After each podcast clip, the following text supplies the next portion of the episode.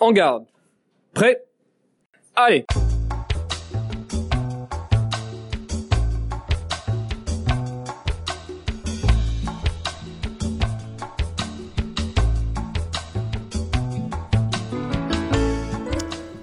Ja, hej och välkomna till ett specialavsnitt utav min podcast eh, Bakom masken på.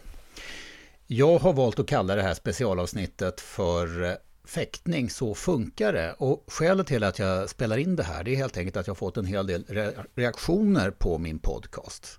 Jag har ju bara hunnit att lägga ut två stycken avsnitt ännu utav de här intervjupodcasten. Men jag har redan fått så många frågor och eh, kommentarer även från icke-fäktare, även fast själva podcasten då är för fäktare om fäktare, så är det många andra som har lyssnat på det här och tycker att Eh, det här var trevligt och vi vill gärna lyssna mer men vi förstår inte riktigt vad du pratar om. Skulle du inte kunna göra en avsnitt om fäktning bara och berätta om fäktning? Så att okej, okay, då, då gör jag det och då blir det ett eh, specialnummer utav Bakom masken på.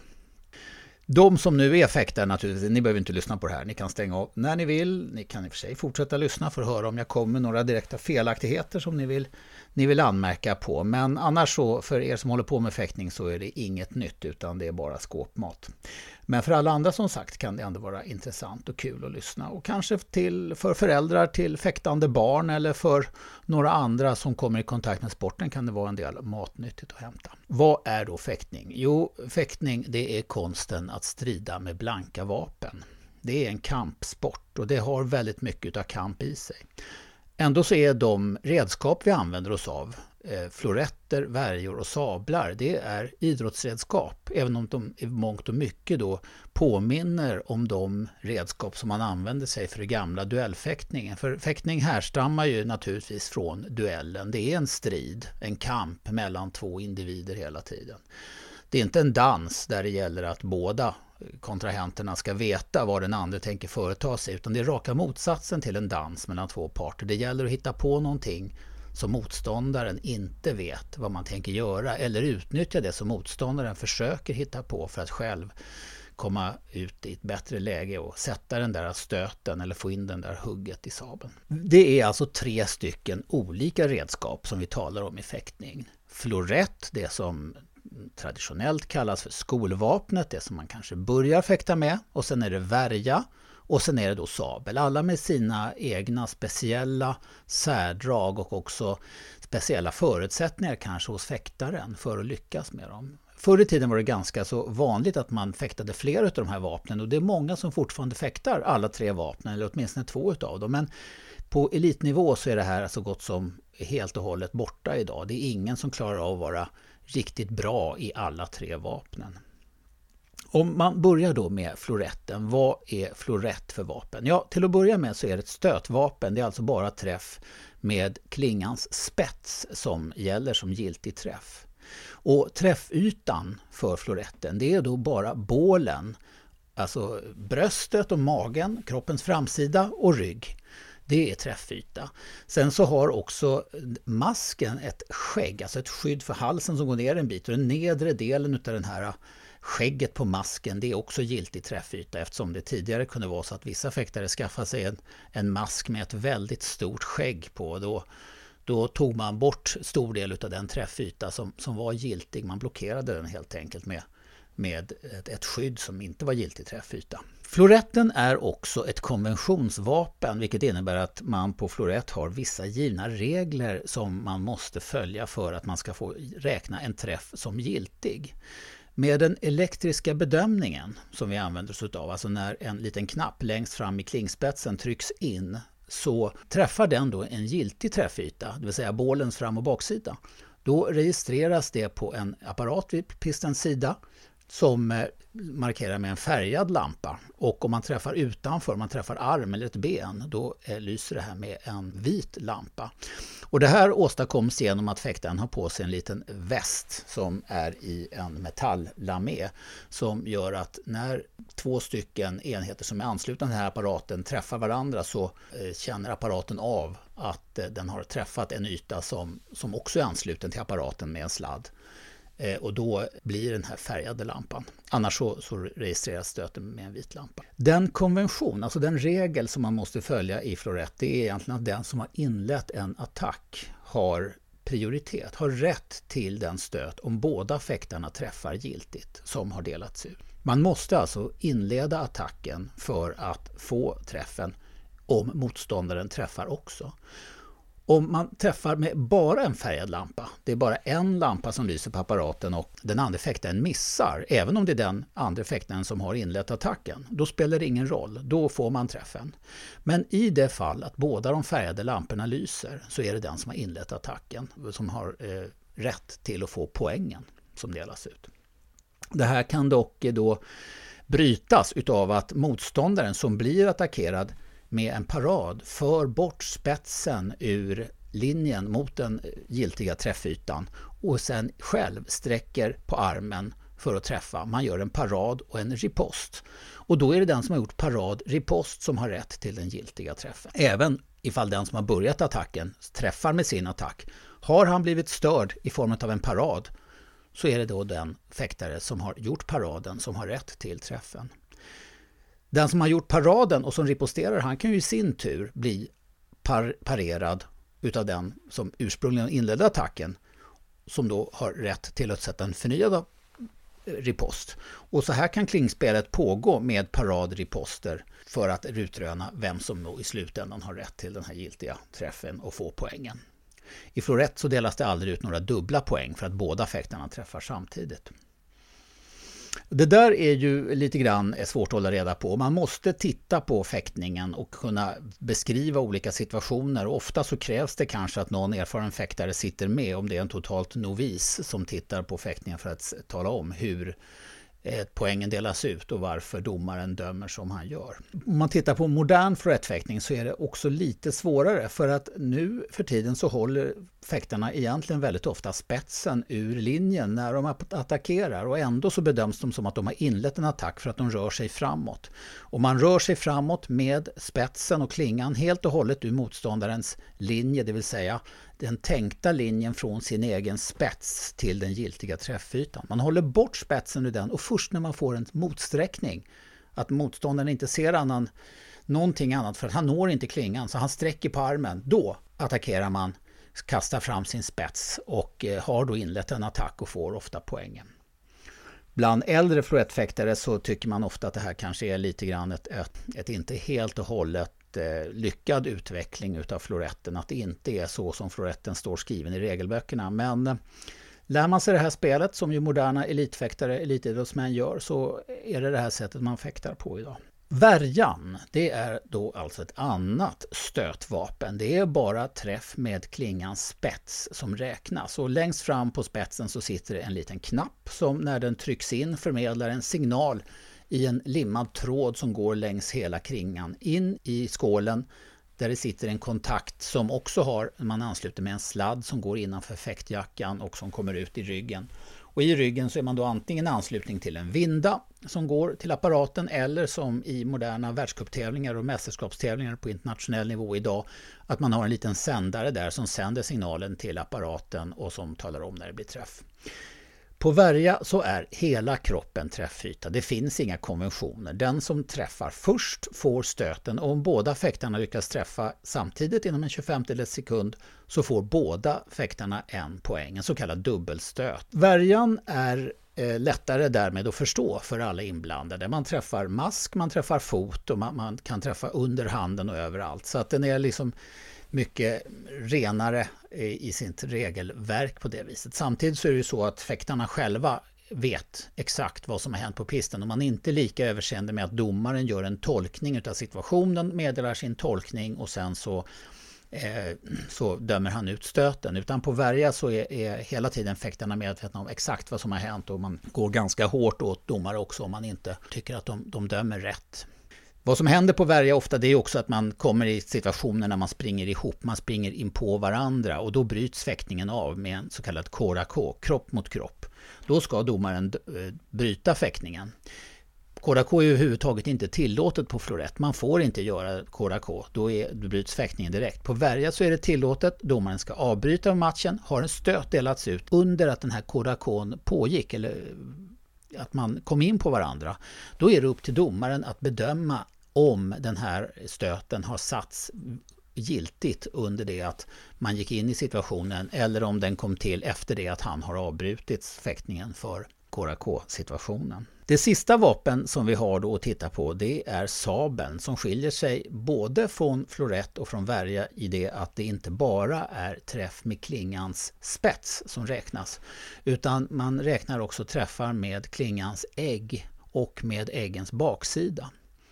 Förr i tiden, innan man började använda sig av elektrisk sabelfäktning, så var det bara klingans framsida och översta tredjedelen på klingans baksida som gällde som giltigt eh, för att få en, en träff räknad.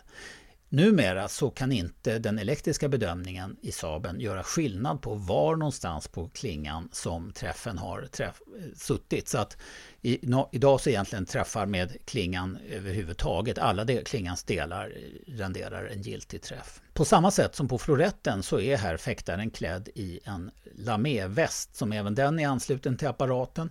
Och det gör att när man träffar någonstans på giltig träffyta, som i sabeln, är allting ovanför midjan, mask, armar, överhuvudtaget allting ovanför kroppens eh, midja är giltig träffyta. Eh, träffar man någonstans där så markeras det med en träff på apparaten. Sabelfäktare träffar väldigt sällan utanför giltig träffyta. Man försöker överhuvudtaget inte hugga mot varandras ben eller liknande. Så att träffar man varandra så är det oftast inom giltig träffyta. Och på sabel så gäller ungefär samma konventionsregler som på florett. Att det är den fäktare som har inlett en attack och som fortfarande inte har slutfört sin attack som har rätt till stöten om, eh, mot båda träffar samtidigt. Och attacken kan då brytas genom att motståndaren tar en parad och sen riposterar i form av ett mothugg. Då är det den som har tagit parad ripost som har rätt till den giltiga stöten.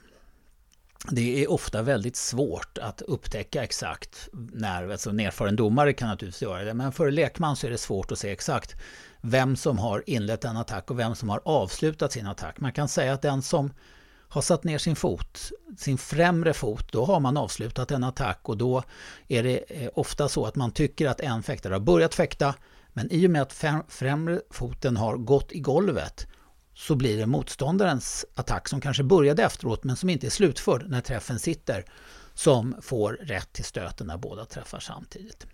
Ett annat fenomen inom sabelfäktning är att båda fäktarna träffar eh, samtidigt och att domaren då inte bedömer att han kan avgöra vem som egentligen var den som utförde den här eh, påbörjade attacken.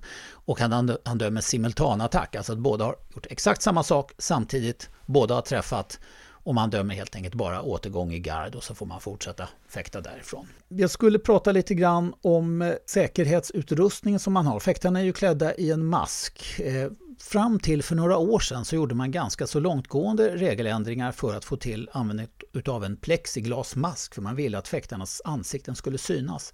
Den här plexiglasmasken bedömdes efter ett antal år som helt, inte helt säker. Det förekom ett antal olyckor med plexiglasmasker av vilken ingen egentligen var allvarlig men det kunde ha blivit riktigt allvarliga tillbud. Så att slutet på det här blev att man avbröt försöken med en mask Eh, med plexiglas där fäktarens ansikte var fullt synligt för, för kameror och liknande.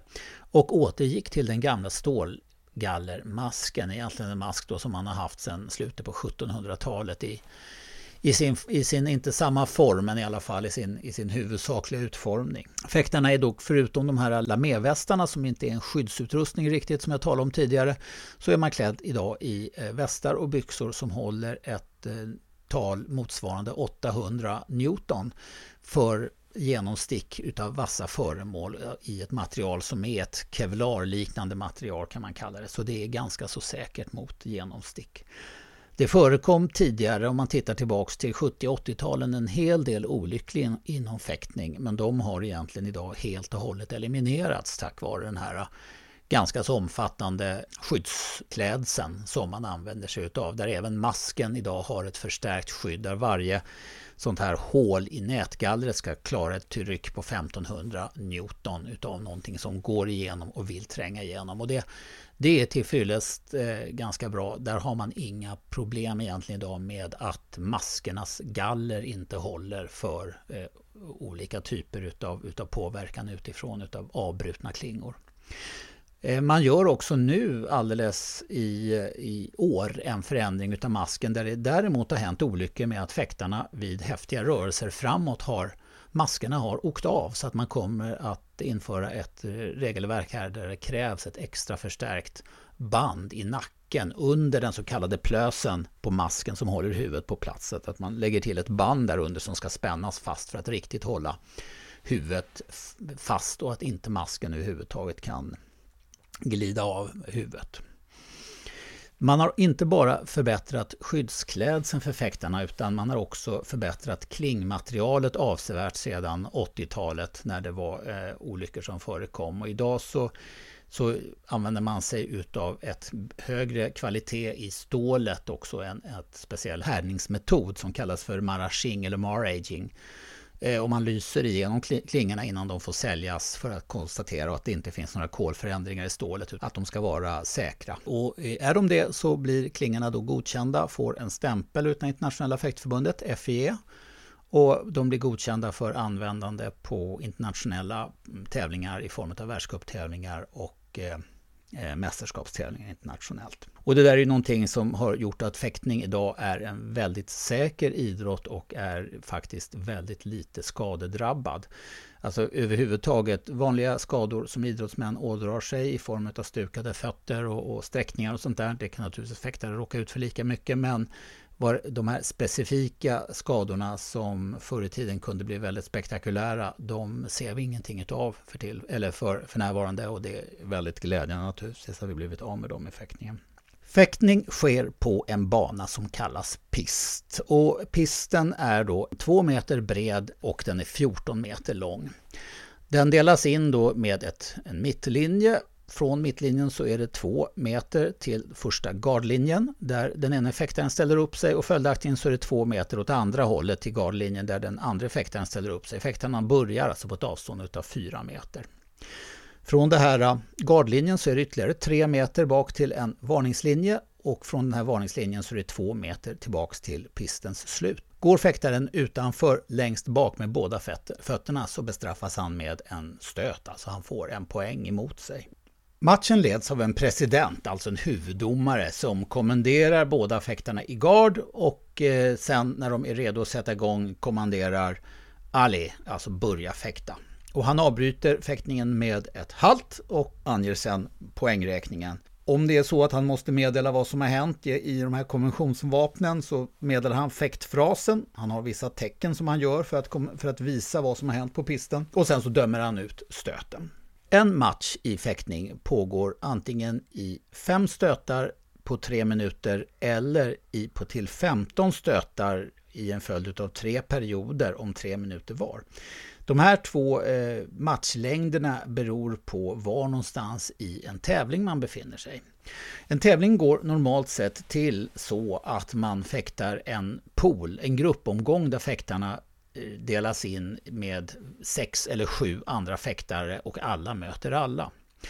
När man har fäktat sin pool så läggs man ihop. Resultatet från varje fäktare läggs ihop med alla andra fäktare i hela tävlingen. Och därefter så tittar man ungefär var de 70 procenten som har gjort bäst har eh, kommit någonstans. Och där drar man ett streck. Så de fäktare som har presterat över de 70 procenten de går vidare till nästa omgång och de som då är under de 70 procenten, de får kliva av.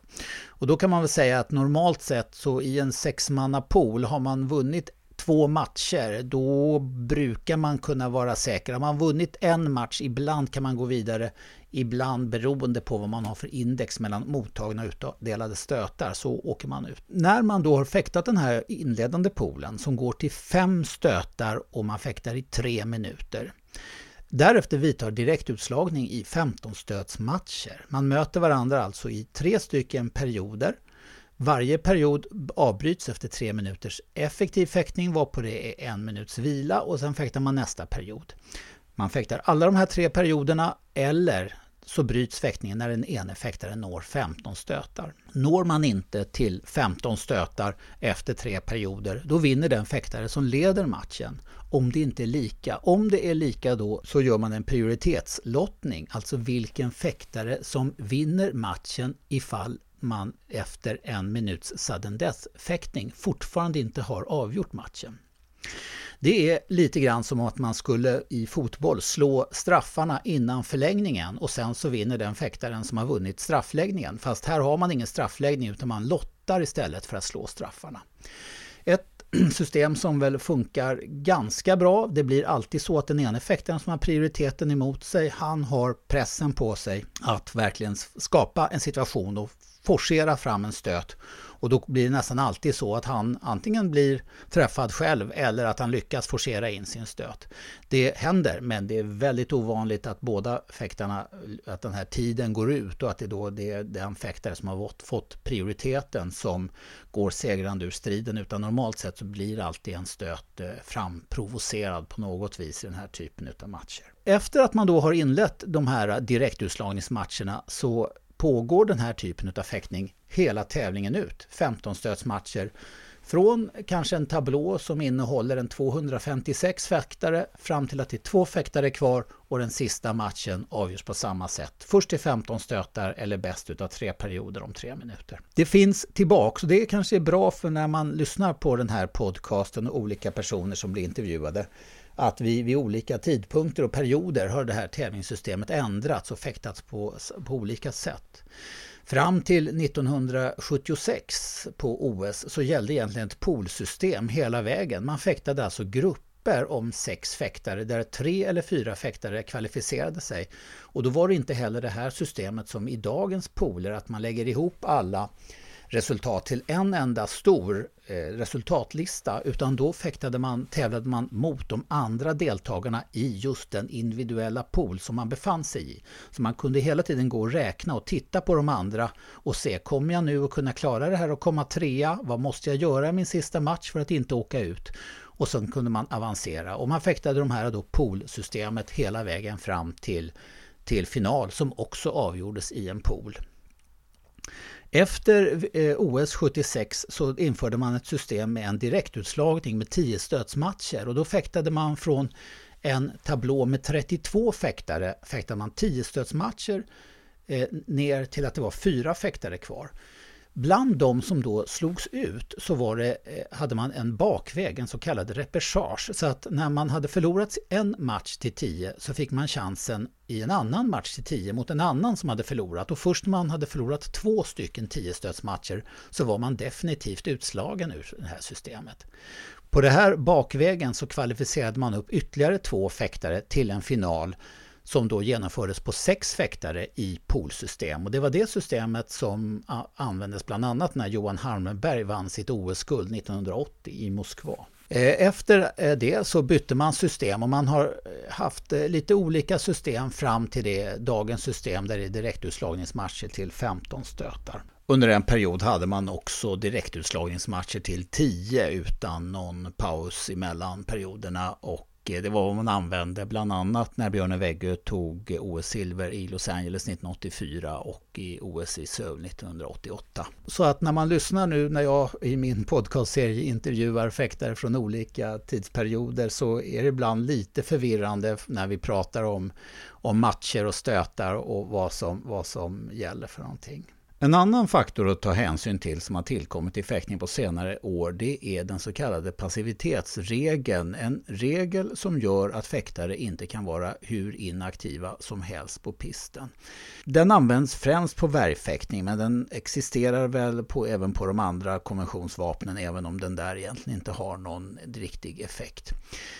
Den kallas för non-kombativitet, alltså viljan att inte strida och det inträder när fäktarna, ingen av dem egentligen vill ta några initiativ. Man håller på och laborerar lite grann med den här regeln och ändrar den men huvudsakligen så går den i dagsläget ut på att att eh, om inte en stöt har satts av någon av fäktarna under en period av en minut av fäkttiden eller att man inte överhuvudtaget visar att man vill ha någon klingkontakt, då avbryter domaren striden och man går till nästa period av en 15-stötsmatch eller i lagsammanhang till nästa match.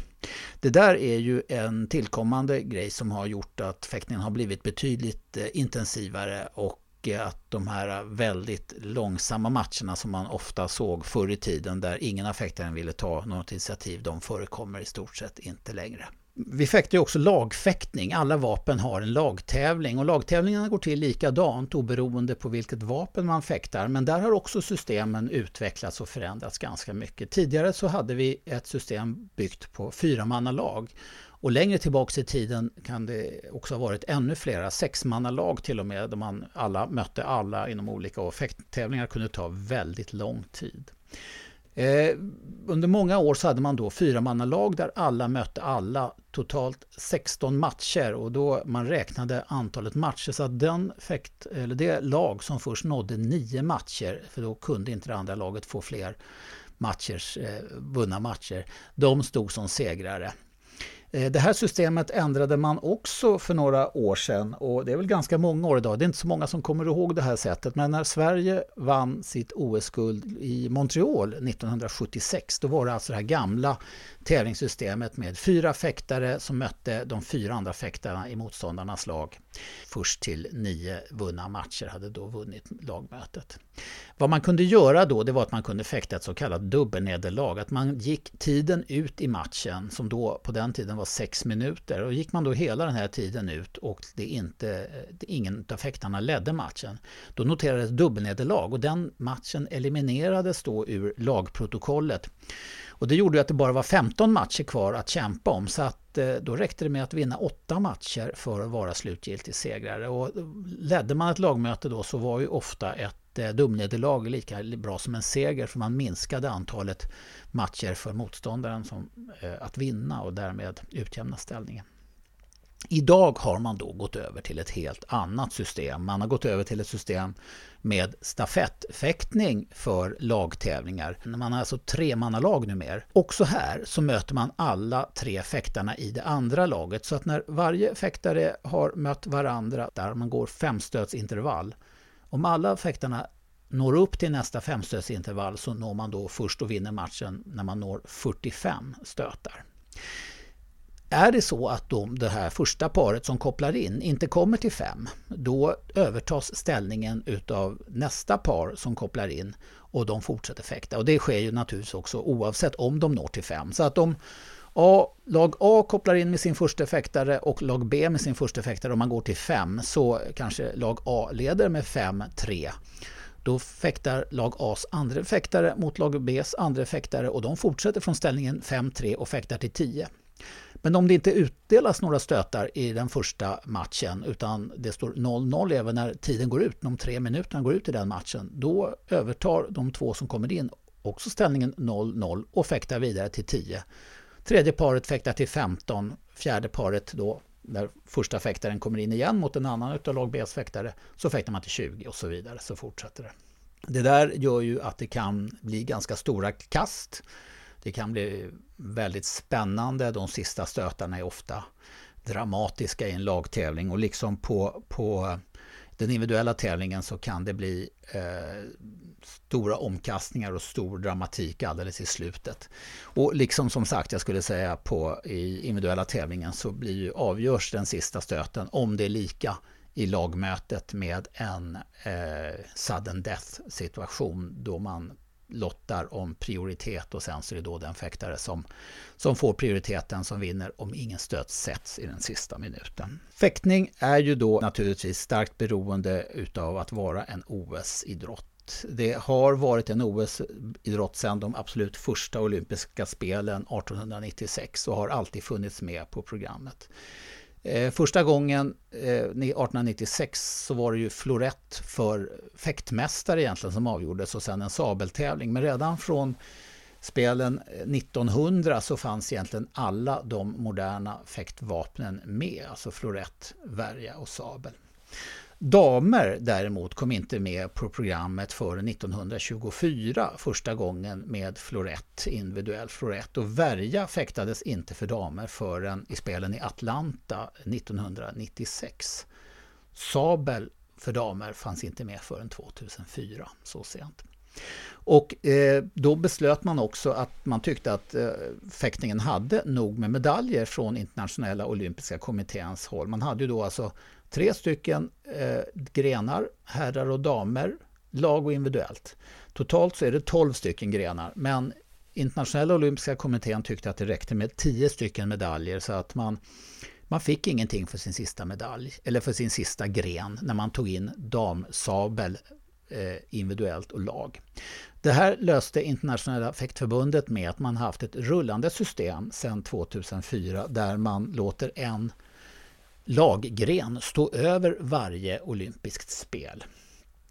Och nu först, med, från och med nästa OS, så har Internationella olympiska kommittén godkänt att fäktningen vill ha 12 stycken medaljer så att man kommer att fäkta alla de här eh, grenarna och få 12 stycken medaljuppsättningar för första gången från och med OS 2020. Om man tittar på den olympiska maratontabellen så är det Italien och Frankrike som är de stora nationerna i fäktning. Eh, Italien med totalt 121 medaljer och Frankrike med 115 medaljer.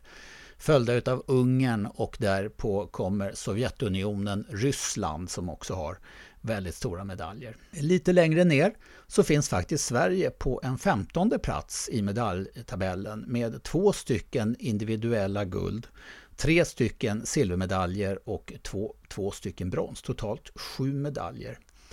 Ehm, och det är inte så dåligt faktiskt. Vi ligger före många andra länder och det är de här två gulden som gör naturligtvis. Så gulden har då tagits utav Värjlaget 1976 i Montreal och utav Johan Harmenberg på Värja 1980 i eh, Moskva.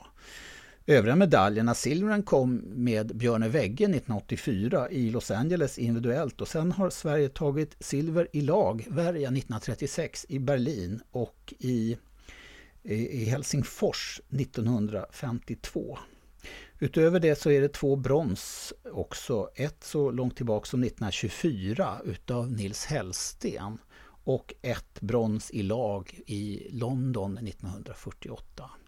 Så att Sverige har en ganska så stolt eh, OS-tradition att försvara och eh, det gäller ju att vi tar oss med till OS. Eh, nålsöga verkligen att kvalificera sig för ett OS idag. Kerstin Palm, Sveriges främsta florettfäktare på damsidan, hon har gjort sju OS och det tror jag att jag inte sticker ut hakan alls ifall jag säger att ingen någonsin svensk fäktare kommer att kunna göra sju stycken OS-tävlingar igen. Det är nämligen svårt där man har ett intrikat system baserat på att medlemmar i ett lag har är automatiskt kvalificerade för den individuella tävlingen. Så starka nationer då som kan kvalificera lag till lagtävlingen där det tillåts åtta eller nio lag att ställa upp de har också automatiskt med sina fäktare i den individuella tävlingen och det gör att utrymmet för andra duktiga individuella fäktare att ta sig in i den individuella tävlingen det är väldigt, väldigt smalt och väldigt svårt. Och det fick vi ju bekräftat eller bevisat vid OS i Rio då vi hade en silvermedaljör från världsmästerskapen året innan, alltså Emma Samuelsson som tog silver på VM eh, som ändå inte då lyckades klara den här sista gränsen att också få delta på det olympiska spelet i Rio i den individuella tävlingen. Och det, det gör ju att det är väldigt Eh, svårt för många länder där fäktning är beroende av att kunna visa upp en olympisk deltagare för att helt enkelt hålla sig i, i ljuset utav tv-kameror och journalister och sådana saker. Och det, det, är viktigt för många länder. Man kan väl också när det gäller fäktningen säga att fäktningen har varit på eh, olympiska kommitténs svarta lista och riskerat sin plats i OS-sammanhang.